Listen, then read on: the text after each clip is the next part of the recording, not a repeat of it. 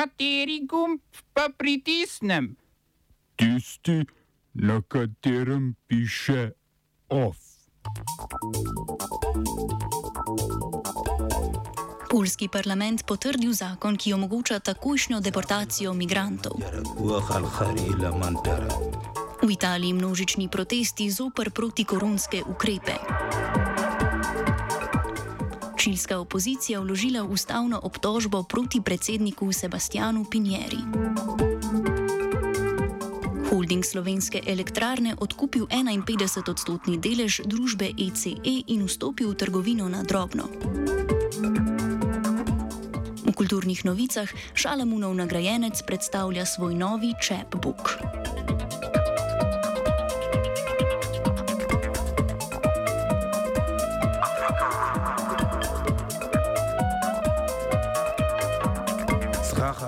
Polski parlament je sprejel zakon, ki policiji dovoljuje takojšno deportacijo migrantov na meji z Belorusijo, potrditi pa ga mora še predsednik Andrej Duda. Policija bo prejela tudi pooblastila za takojšnjo zavrnitev prijav za mednarodni azil in to brez vsakršnega pregleda.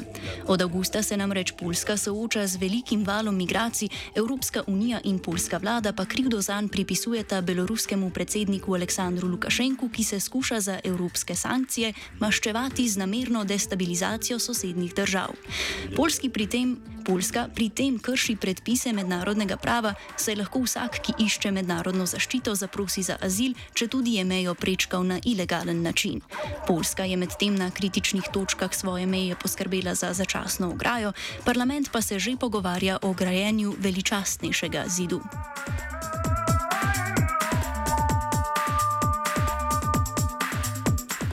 Po Italiji medtem vznikajo množični protesti proti na novo sprejetim protikoronskim ukrepom, ki od vseh zaposlenih, tako v javnem kot v zasebnem sektorju, zahtevajo izpolnjevanje pogoja PCT. Okoli 2000 protestnikov se je zbralo ob vhodu v Tržaško pristanišče, o nemirih pa poročajo tudi iz industrijskega centra v Milanu, kjer ljudje ovirajo javni prevoz. Upirajo se še pristaniški delavci v Genovi in delavci tovarne Electrolux blizu Trevisa. Sprejet svežen protikoronskih ukrepov delodajalcem med drugim omogoča, da delavca brez zelenega potnega lista odpustijo brez plačila in ga pri tem še oglobijo v višini do 1500 evrov. Obveznost zelenega potnega lista se v Italiji nanaša na 23 milijonov zaposlenih. 3 milijoni pa še vedno ostajajo necepljeni. Ti si bodo morali teste za novi koronavirus od zdaj plačevati sami.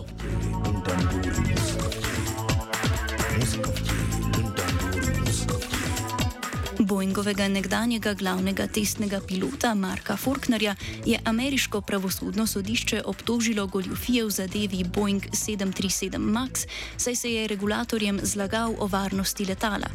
Faulkner naj bi regulatorje regulatorjem zaradi finančnega prihranka zamolčal napake specifičnega sistema na letalu 737 MAX, kar je povzročilo dve nesreči, v katerih je umrlo na stotine ljudi.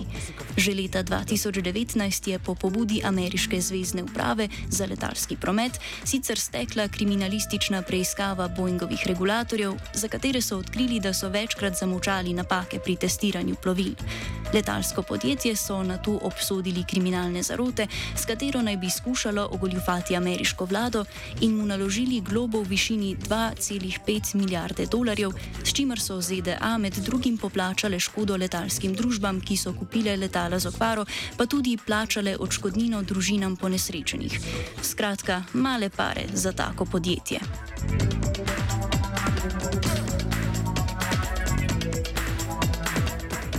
Opozicijski zakonodajalci so v Čilu pričeli postopke za vložitev obtožbe predsednika Sebastiana Pinjere, saj se je po razkritju Pandorinih dokumentov pokazalo, da je bilo podjetje njegovih otrok upleteno v kontroverzno prodajo državnega rudarskega podjetja. Pred nekaj dnevi je čilenski javnosti javni tožilec sicer naznanil kriminalistično preiskavo predsednikovega poslovanja zaradi suma podkupovanja, korupcije in utaje davkov pri prodaji rudnika Dominga. Kinga pred približno desetimi leti, v času njegovega prvega mandata.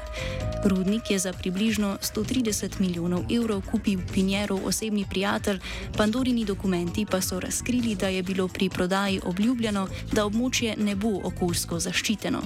Pinjera, sicer eden najbogatejših čilencev in njegova des desničarska koalicija, ki bo svoj drugi mandat zaključila naslednje leto, trenutno veljata za precej nepriljubljena. Čile pretresajo tudi vse bolj množični protesti domorodnega plemena Mančupe, ki zahteva več avtonomije in svojo zemljo, zaradi česar je Pinjera v dveh provincah na jugu države razglasil izredne razmere. Oba, če, če bom odgovoril na angliški. Slovenija will try to help. We can Slovenija will and we will do our utmost To say that the situation is our problem ourselves. and uh, We will make further steps as soon as the conditions are bomo vlado Marjana Cererja, Mira, Marjana Cererja Šarca podprli. uh, very, very serious. we know how and we will. Ob včerajšnjem obisku delegacije Evropskega parlamenta je premijer Janez Janša naznanil, da Slovenija ne bo več evropska kolonija. Potem, ko je na Twitterju že vse teden delil meme proti EU, med drugim tudi o domnevnem pajdajševanju evropskih poslancev s humanitarnim mogulom Georgem Sorošem, se je Janša odločil, da bo delegacijo EU preprosto zavrnil. Kot pričakovano je JJ-jevo shitpostanje triggeralo marsikaterega nadobudnega evropskega državljana. Nekateri so kralju Noriškega kraljestva očitali antisemitizem, drugi pa kar neposredno kršenje evropskega prava.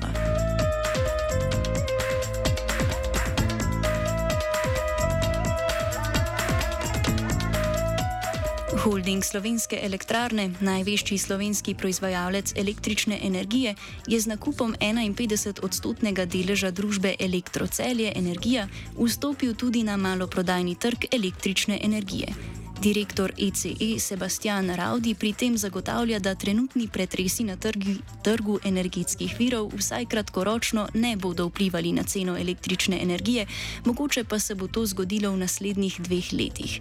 ECE je s 15-odstotnim deležem eden večnih igra, večjih igralcev na trgu prodaje električnim gospodinstvom.